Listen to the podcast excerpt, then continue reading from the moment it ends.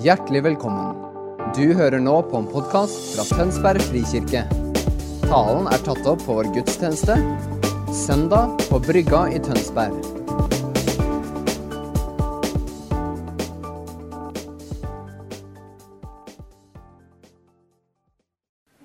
Veldig hyggelig å se dere. Det jeg skulle si var om vi kunne gi en applaus til lovsangsteamet? Det var fantastisk.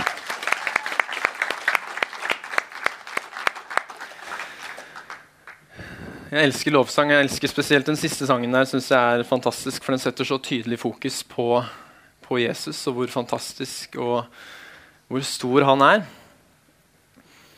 Eh, og Det var det jeg tenkte å gjøre litt i dag også. Eh, navnet på talen er 'Se, der er Jesus'. Og det å se Jesus er veldig viktig, og, og, måten vi gjør det på, er veldig viktig. Måten vi ser Jesus på, avgjør hvordan vi erfarer ham. Um, og Som Camilla var inne på i stad, så har dette vært et veldig spesielt år. Det vet vi alle sammen. Det har vært koronatid, og det har vært uh, ja, veldig annerledes, for å si det mildt. Og så tenker jeg at I en sånn tid så kan man veldig fort uh, i hvert fall som kristen, stille seg spørsmålet Gud, hvor er du oppi alt det her? Hva, hva, er det du, hva, er det som skjer? Hvorfor skjer det her? Og så kan vi fort henge oss opp i alt det som vi føler at er feil, og ikke som det skal være. og eh, Alt som går galt, på en måte. Og det er veldig lett å stille seg det spørsmålet Gud, hvor, hvor er du? Hva skjer? Eh, og så tror jeg det er veldig viktig å stille seg det spørsmålet, men kanskje på en litt annen måte. Eh, og heller stille seg spørsmålet på den måten at man spør Gud, hva er det du gjør nå? Fordi Gud gjør alltid noe, selv om, eh, selv om det kan se ut som at det som skjer, eh, bare er helt eh, At Gud på en måte bare drukner i det. Men Gud gjør alltid noe, og vi kan alltid velge å eh, sette fokus på det han gjør. Så jeg tror det er viktig å stille seg det spørsmålet Gud, hva er det du gjør nå? Eh, og I forbindelse med koronatida så er det mange som har kjent på at at dette er en tid hvor vi får lov til å refokusere på Gud. Altså Stille inn fokuset vårt på nytt og se Se Jesus på nytt. Eh, se tydeligere og mer av hvem han er. Og det er det jeg har lyst til å si litt om i kveld. I kveld, faktisk. I denne morgenen. Jeg er vanligvis på ungdomsmøter med FRIK, og da er det kvelden. Så jeg må bare omstille meg litt her nå. Men dere, Bibelen er full av historier om folk som ser Jesus på forskjellige måter. Og jeg tenkte jeg skulle veldig fort bare ta oss gjennom noen av de. Eh, vi starter i, i Lukas-evangeliet, og så holder vi oss egentlig i Lukas-evangeliet. fordi Lukas er på en måte juleevangeliet, så det passer veldig fint. Og så starter vi i kapittel 1, vers 39. Eh, Der står det om eh, Martha, som er moren til døperen Johannes. Hun er gravid med døperen Johannes, og hun får Maria på besøk, som er gravid med Jesus. Og så I det besøket så får Martha se Jesus, eh, selv om Jesus ikke er født ennå. Jeg syns det er en veldig fin uh, historie. Så vi leser fra vers 39 i Lukas kapittel 1. Noen dager senere dro Maria av sted og skyndte seg opp i fjellbygdene til den byen i Juda hvor Zakaria bodde. Der gikk hun til Elisabeth og hilste på henne. Da Elisabeth Sa jeg Martha i stad? Jeg mente Elisabeth. Unnskyld.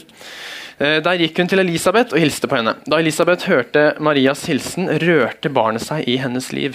Hun ble fylt av Den hellige ånd og sa med høy røst.: Velsignet er du blant kvinner, og velsignet er ditt livs frukt. Hvordan kan det gå eh, til at min Herres mor kommer til meg? For da lyden av din hilsen nådde mitt øre, hoppet barnet i meg av fryd, og salig er hun som trodde det Herren hadde sagt til henne. Uh, og salig er det er, Unnskyld. Og salig er hun som trodde det Herren hadde sagt til henne, skulle gå i oppfyllelse. Så Her ser vi altså Elisabeth, som er eh, gravid med døperen Johannes, som merker Guds nærvær, egentlig, når, når, eh, Maria kommer inn. og Måten hun merker det på, er at eh, babyen i hennes egen mage responderer på eh, egentlig babyen i Marias mage. Og, Elisabeth fikk se Jesus og anerkjenne Jesus selv om han ikke var født ennå.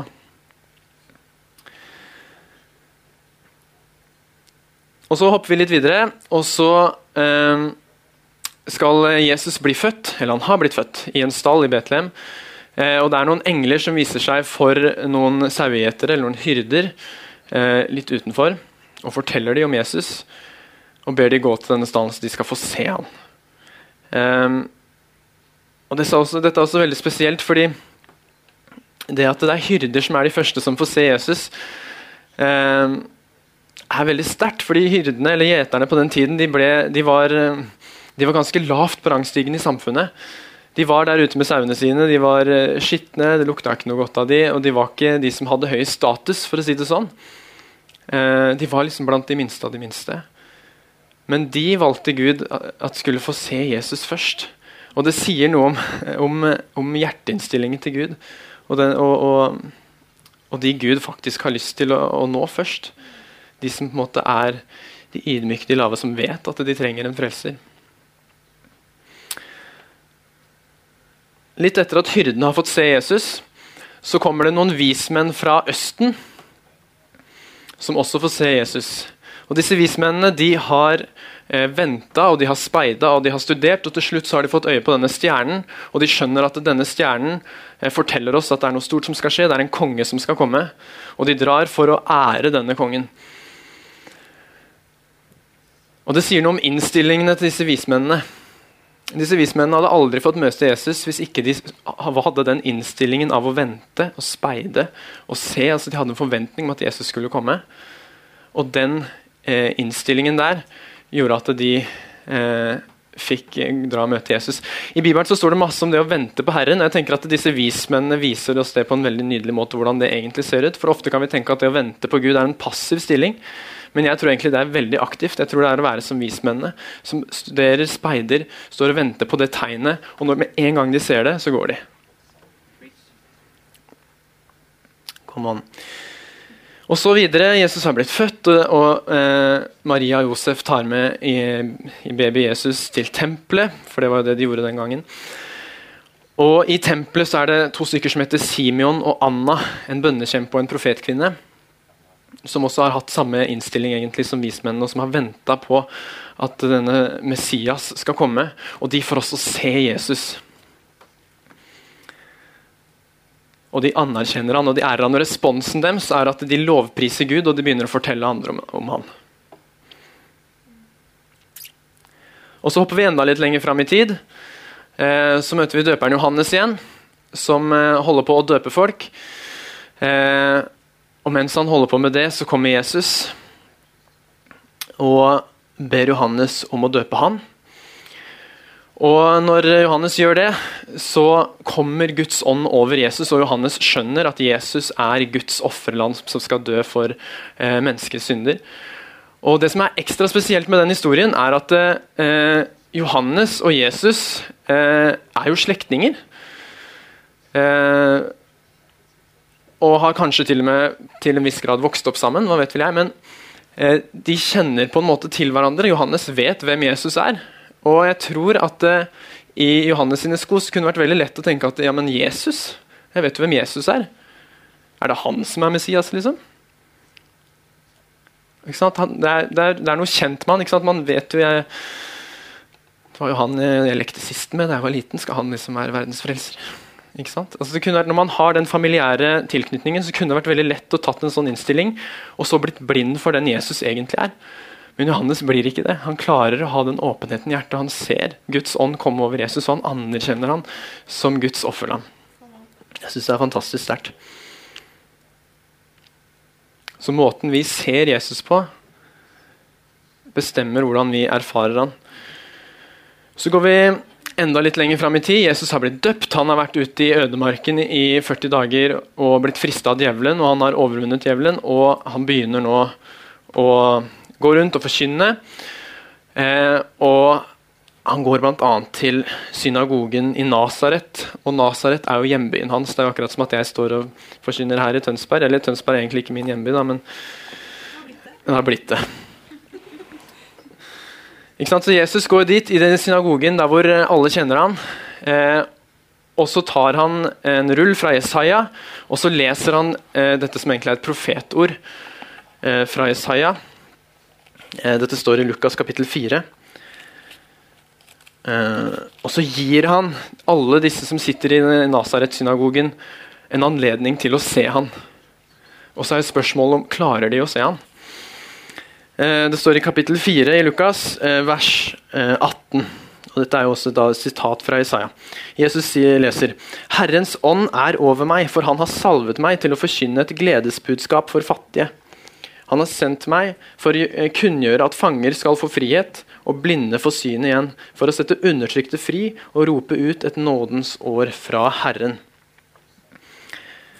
Og I tillegg da, så står det at så rullet han eh, bokrullen sammen, rakte den til tjeneren og satte seg. Alle i synagogen stirret spent på ham.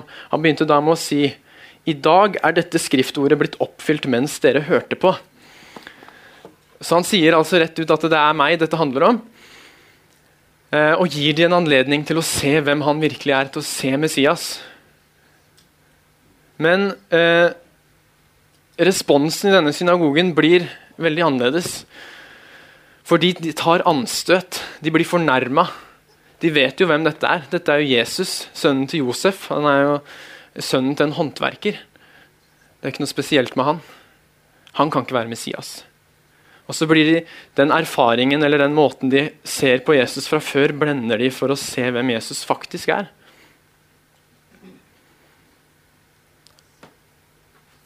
Her får de en gyllen anledning til noe kjempestort, og så går de egentlig glipp av det.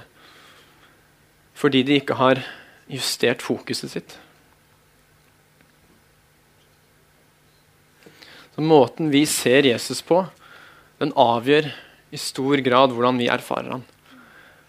Og Hvordan ser du egentlig Jesus? Det er det spørsmålet jeg vil at du skal stille deg selv med jevne mellomrom mens jeg taler videre her nå. Hvordan ser du Jesus? Hvem er Jesus for deg? Og så Etter denne tiden i synagogen, eh, eller denne episoden i synagogen, så kommer det en tid hvor Jesus reiser rundt. Han forkynner at Guds rike har kommet nær. Han helbreder syke, reiser opp døde, renser spedalske, kaster ut onde ånder. Eh, gjør, sprer Guds godhet og Guds rike rundt overalt hvor han går. Og så eh, dør han på korset, betaler eh, prisen for vår synd eh, og står opp igjen. Jeg synes Dette er helt fantastisk, fordi Jesus gjør to ting her. Først så demonstrerer han eh, det gudslivet som vi også er kalt til å leve. Han viser hvordan eh, det ser ut å leve i en levende relasjon med Gud.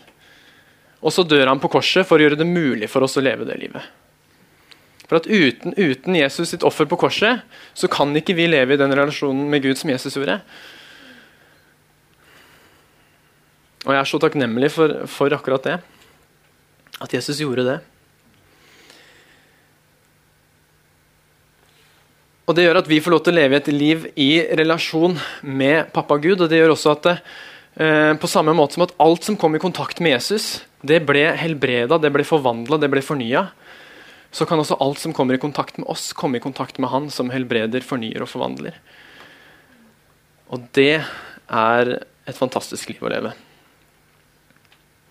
Og Det handler veldig om eh, hvordan vi ser Jesus. For jeg tror at veldig mange kristne eh, når vi ser Jesus, så ser vi Jesus dø på korset. Og Det er et veldig viktig bilde, fordi det er her Jesus betaler prisen for vår synd og kobler oss sammen med Gud igjen. Men det er veldig viktig at vi ikke glemmer at det også kommer en oppstandelse. Jesus står opp igjen fra de døde, som muliggjør eh, det livet som vi har kalt å leve sammen med Gud. Henger dere med? Ja, bra. Så det er veldig viktig at vi ikke stopper opp med bildet av Jesus på korset som har dødd og betalt eh, eh, prisen og, ti, og, tilgitt oss. Men at vi også ser eh, den oppstandende Jesus som gir oss kraft, livskraft, til å leve et, et, et, liv i en levende relasjon med en levende Gud. Det er veldig viktig. Så Jesus han er mer enn bare et offerlam. Offerlamfunksjonen er veldig viktig, jeg skal ikke ta noe fra den, men han er mer. Han er også oppstanden. Han lever og stråler.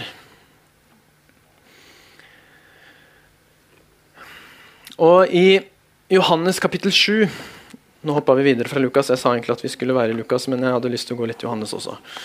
I Johannes kapittel 7 så sier Jesus noe som demonstrerer det her på en veldig god måte, syns jeg.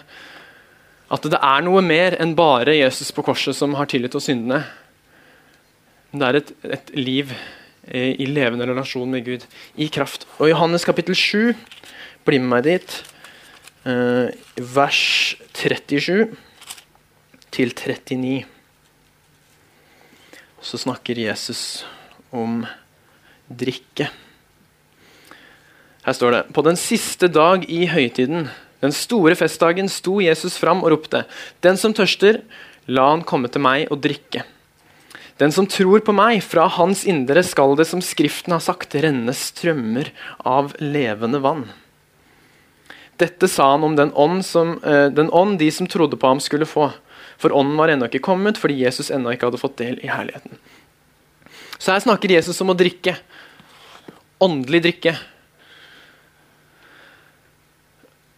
Og Vi vet jo det at det er jo sånn med kroppene våre, vi trenger å drikke. Hvis ikke vi drikker vann, så dør kroppen vår. Så vi har en veldig veldig flott og viktig funksjon i kroppen vår som heter tørst. Så når du kjenner tørst, at du tørster, så går du og finner vann, og så holder du kroppen din i live. Det er veldig basic. Hvis ikke du drikker, så dør du. Sorry, men sånn er det. vet du hva, Jeg tror faktisk det er sånn i det åndelige livet vårt også. At ånden vår trenger åndelig drikke. Vi trenger dette levende vannet.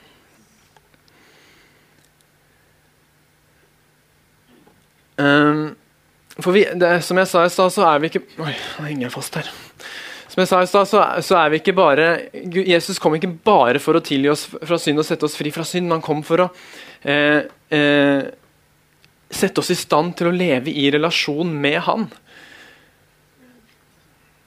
Og det å leve i relasjon med Gud, med Jesus, eh, gjør at livet blir veldig annerledes. Og du, får, du, du blir kobla på en kraft som er så hinsides stor at vi klarer ikke helt å skjønne det. Og Jesus snakker her om levende vann som vi skal få lov til å drikke. Og Dette levende vannet det er egentlig Den hellige ånd. det er det han sier. Den hellige ånd som, som kommer og gir oss livskraft, som kobler oss på Gud. Og som gjør at det hans eh, vesen, alt han er, hans kraft, hans ånd, kan strømme gjennom oss eh, å berøre og nå og velsigne de rundt oss. Eh, og Litt lenger ut i Johannes, i kapittel 15, vi trenger ikke å gå dit, men, eh, men der står det om, om, Jesus som sier, eller sammenligner seg selv med et vintre. Han sier til disiplene at 'jeg er vintreet, og dere er grenene'. Uh, og så sier han at for at vi skal kunne bære frukt, så må vi være kobla på han som er stammen på vintreet.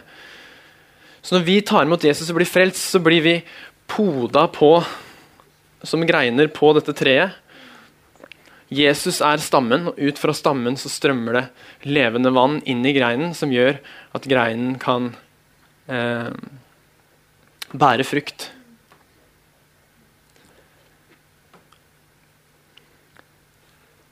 Uten Jesus så kan vi ikke gjøre noen ting. Men det handler om hvordan vi ser han. Ser du at Jesus er, er, den, er stammen din? Er han som, som, gir deg dette vannet? Og drikker du av det vannet? For du blir automatisk kobla på stammen når du tar imot Jesus. Men jeg tror faktisk at vi selv som greiner må velge å, å la det vannet strømme inn i oss, så frukten kan vokse. Og det er jo egentlig en sånn fantastisk Det er så fantastisk bilde, akkurat det der. For Opp gjennom mitt kristenliv så har jeg vært så prega det tror jeg mange kristne er veldig mye. Vi er så prega at vi, vi, føler at vi må gjøre noe for Gud, vi må jobbe for Gud. Vi må bevise noe. Vi må gjøre en innsats. Uh, vi må, vi må, vinne mennesker for Jesus. Vi må leve sånn og sånn tydelig for å på en måte vise at Gud at vi er verdige eller gjøre oss fortjent. eller jeg vet ikke hva. Vi har en sånn motsatt tankegang. At vi tenker at eh, vi må selv aktivt koble oss på dette vintreet og holde oss der. Eh, men så kommer Jesus med en motsatt tankegang. At jeg kobler dere på vintreet, og jeg gir dere kraft til å det, leve det livet som dere er kalt å leve. Og Hvis dere prøver å leve det livet uten meg, så funker det ikke. Du kommer ikke til å klare det. Du trenger meg. Uten meg kan dere ingenting gjøre, sier Jesus. Og Jeg syns det er så deilig. Uten Jesus kan vi ingenting gjøre. Da kan vi rulle inn årene og legge ned bedriften og gi opp. Men med Jesus så kan vi være med på helt fantastiske ting.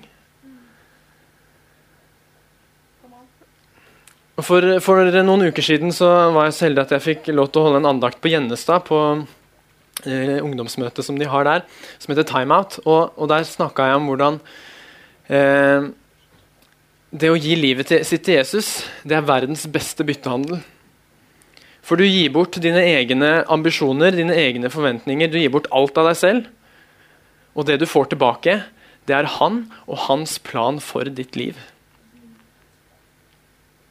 Så du gir bort eh, muligheten til å bruke masse energi og slite deg ut på å prøve å gjøre livet ditt til det du ville at livet ditt skulle være.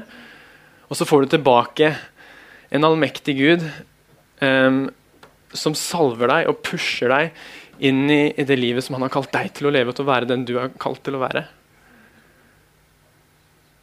Og Det fins ikke noe bedre eller mer tilfredsstillende enn å være de, den som Gud sier at du er. Å være der han har satt deg til å være, og gjøre det som han har utrusta deg og gitt deg kraft til å gjøre. Så For at vi skal kunne bære frukt, så må vi være kobla på Jesus. Vi må se Jesus som vinstammen. Vi må være kobla på Guds nærvær. Vi må drikke det levende vannet, som er Guds ånd. Og jeg husker en gang eh, da jeg var litt yngre, så hadde jeg en veldig sterk eh, eh, kallsopplevelse. Jeg opplevde at Gud kalte meg til noe veldig spesifikt. Um, og det var mens jeg var, det må ha vært mellom ungdomsskolen videregående et sted. Jeg husker i hvert fall at eh, mamma eller pappa kjørte meg til fotballtrening. Og på vei til fotballtrening så kjørte vi forbi en sånn svær eh, eplehage. Kjempesvær eplehage med tusenvis av epletrær. Um, den ligger på veien til Hønefoss. Hvis det er noen som har kjørt til Hønefoss, har dere sett den eplehagen. Uansett så kikker jeg ut, Dette er på høsten, så det er uh, ingen blader på disse epletrærne. Ikke noe frukt heller. Eh, Seint på høsten. Og eh, jeg kikker på disse trærne, og så plutselig opplever jeg at jeg hører Guds stemme så tydelig inn i hodet mitt som jeg nesten aldri har hørt før. Eh, og så sier Gud, Halvor, det er så mange av mine barn der ute som ikke bærer frukt. Og så kikker jeg på disse epletrærne, og så hører jeg han si, det er mine barn Gå og vann dem. Det er mine barn. Gå og vann dem. Eh, og Det ble veldig sterkt for meg, og det ble noe som jeg på en måte gikk etter og følte at jeg måtte, måte holde for øye. Eh, og det har jeg gjort, og så brukte jeg mye energi eh, på å prøve å forstå hva er frukt egentlig, Gud? Hva er frukt? Og Jeg leste i Bibelen, jeg snakka med Gud og prøvde det i flere år. Drev jeg og dykka ned i det, hva er egentlig frukt? Og så, eh, egentlig kort tid etter at jeg flytta til Tønsberg, så hadde jeg et nytt sånn møte med Gud, hvor han minte meg om den opplevelsen her. Eh, og så sa, han, så sa, han, til meg at Halvor, jeg kalte deg ikke til å lære de å bære frukt, jeg kalte deg til å vanne de. Så skjønte jeg at frukten er ikke mitt oppdrag. Jeg skulle bare vanne de. Frukten kommer av vannet, og vannet er Guds nærvær. Så forsto jeg at jeg hadde fått et kall om å lede folk inn i Guds nærvær. Og det er gøy og spennende. Og dette med Guds nærvær eh, det er noe som jeg tror mange av oss har veldig forskjellige opplevelser med. Det, det, med Guds nærvær og det å skulle drikke åndelig vann. Altså For noen så kan det oppleves veldig sånn vagt og abstrakt. og på en måte, Hva er det for noe? Mens for andre så er jo det kanskje det mest naturlige i verden. Og det er bare, De kobler seg på Guds nærvær sånn, og de bare merker at å, nå er Gud i rommet. Og andre er liksom Er Gud i rommet? Jeg vet ikke. Jeg, kanskje jeg kjenner bitte litt fred. At best, liksom. Men vi er på veldig forskjellige steder i dette spekteret. Og det spiller egentlig ingen rolle hvor man er. Altså, det handler bare om at vi har forskjellige personligheter, vi er på forskjellige steder i livet. Eh, sånn er det bare. Poenget er hvor du velger å sette fokuset ditt.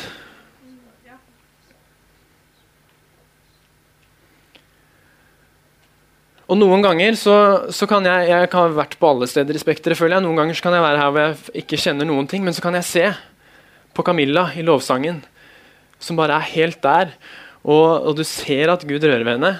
Og så kan jeg tenke at ok, jeg ser at Gud er her, for han rører ved Camilla. Jeg kjenner ikke noe, men jeg skal ære det som Gud gjør i Camilla. Og så kobler jeg meg på, jeg også. Jesus, jeg kjenner ikke noe, men jeg vet at du er her, og jeg bare velger å koble meg på deg og se på deg.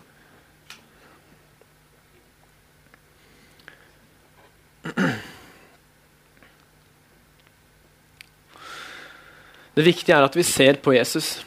Akkurat som med alle de historiene som jeg nevnte i starten. De hadde eh, alle sammen en innstilling som dikterte hvordan de opplevde og så Jesus. Noen av de hadde, hadde aktivt venta og bedt og søkt og hadde rett hjerteinnstilling. Så når Jesus kom som et bitte liten baby, hvor det kanskje hadde vært kjempelett å ikke gjenkjenne han, ikke skjønne at det er Messias, så gjenkjente de hans fordi hjertet deres var så innstilt på å se etter ham. Så det handler om hjerteholdningen vår. Og veldig ofte så tror jeg Jesus kommer i former som vi ikke forventer, for å teste hjerteholdningen vår. Jeg tror ofte så har vi, Man venner seg til en måte å erfare Gud på, eller, eller være med Gud på.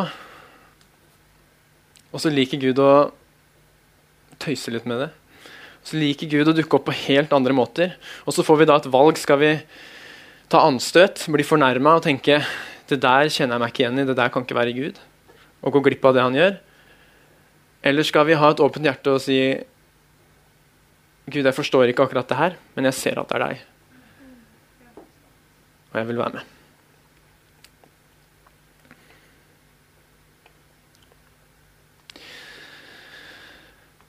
Så vi må se Jesus, vi må se han som han er. Drikke av han. La han røre ved oss. Forvandle oss og fornye oss. For det er den eneste måten å leve det gudslivet han har kalt oss til å leve. Og som jeg sa jeg sa uten han så kan vi ikke gjøre noen ting.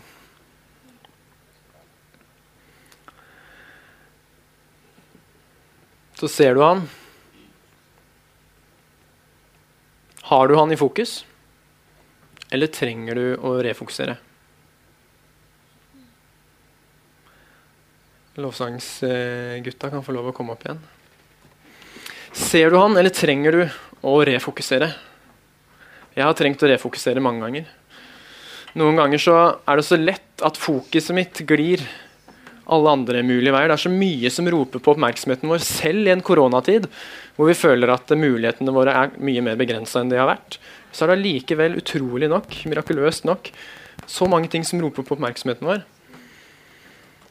Og det gjelder faktisk å være veldig bevisst og I det som er dagens bibelvers, så syns jeg David setter ord på noe som er veldig fint, og er et, eh, egentlig et eksempel til etterfølgelse.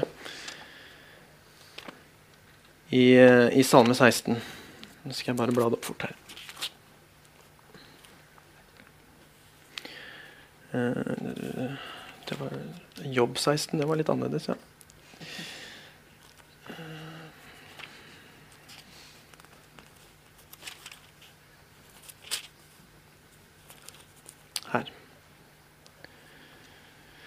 Da sier han, 'Jeg priser Herren som gir meg råd'. Det er i vers 7. 'Jeg priser Herren som gir meg råd, ja, også om natten får jeg rettledning i mitt indre'. 'Alltid har jeg Herren for øye'. Eller som det sto på skjermen, 'Alltid har jeg Herren framfor meg'. Han er ved min høyre side, jeg skal aldri vakle. Derfor er det glede i mitt hjerte og jubel i min sjel, ja, også min kropp kan være trygg. Alltid har jeg Herren for øye. Alltid har jeg Herren framfor meg. Og det, det som jeg syns er så kult med det, er at det er en, en aktiv eh, tilværelse. David bestemmer seg for å holde Herren framfor seg. Eh, og det som jeg også syns er kult med det, er at det er at det, Jeg tror ikke han gjør det på en sånn måte at Gud, han, Gud er der, og så bare ser jeg dit, og så prøver jeg ikke se dit, og så prøver jeg ikke se dit. Jeg tror han har Gud framfor seg. Og Uansett hvilken vei han ser, så ser han alle situasjoner gjennom Herren. Gjennom Jesus, gjennom Gud. Og på den måten så eh, får Gud prege alt han gjør, alt han er med på. Fordi han holder Herren framfor seg i alle situasjoner. Og det tror jeg er veldig, veldig, veldig viktig. Samtidig som det ikke alltid er lett. Som jeg sa, så opplever jeg veldig ofte at fokuset mitt glir ut. Jeg må hele tida ta konkrete valg for å holde fokuset mitt på Herren, for å holde Jesus framfor meg. Og Noen ganger så handler det om å velge bort ting. Kanskje jeg ikke skal se på Netflix i kveld, kanskje jeg heller skal uh, bruke litt tid i lovsang. Lese litt i Bibelen, lese en god, oppbyggende bok, prate litt med Gud. Kanskje, kanskje, jeg til og med skal se litt på Netflix, men bare se én episode istedenfor fire. Som dere skjønner, så er Netflix en av mine fokusutfordringer. Vi har alle fokusutfordringer. Det handler bare om å identifisere dem, ta eierskap over dem.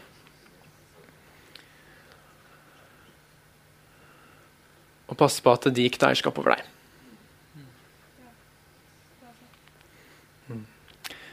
Så til slutt nå så har jeg lyst, hvis, hvis uh, alle kan være med å lukke øynene, og så setter vi fokus på Jesus.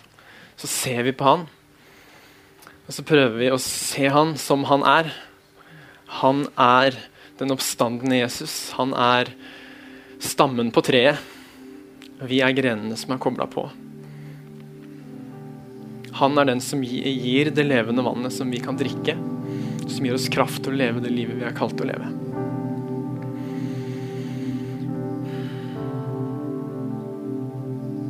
Og I Jesu navn så velsigner jeg hver enkelt av oss. Hver og en av oss. Jeg takker deg, pappa, for at vi nå lever i en tid, en juletid, som mest av alt handler om deg. Selv om jula har blitt fylt opp med mange ting som dytter fokuset vekk fra deg, så handler jula om deg, Jesus. Det handler om din mesterplan du kom for å koble oss på deg igjen, for å vise oss hvem du er. For å tilgi oss, gjøre oss til nye skapninger.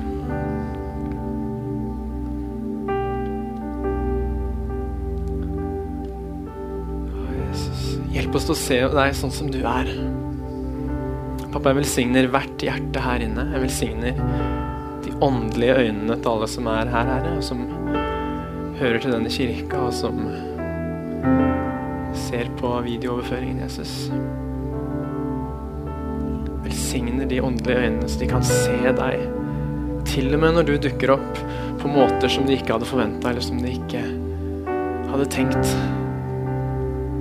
Så hjelp oss alltid til å se deg, til å se det du gjør. Og hjelp oss til å ha et ydmykt hjerte som klarer å ta imot det, og som klarer å bli med på det. I Jesu navn. Ha en velsignet god jul.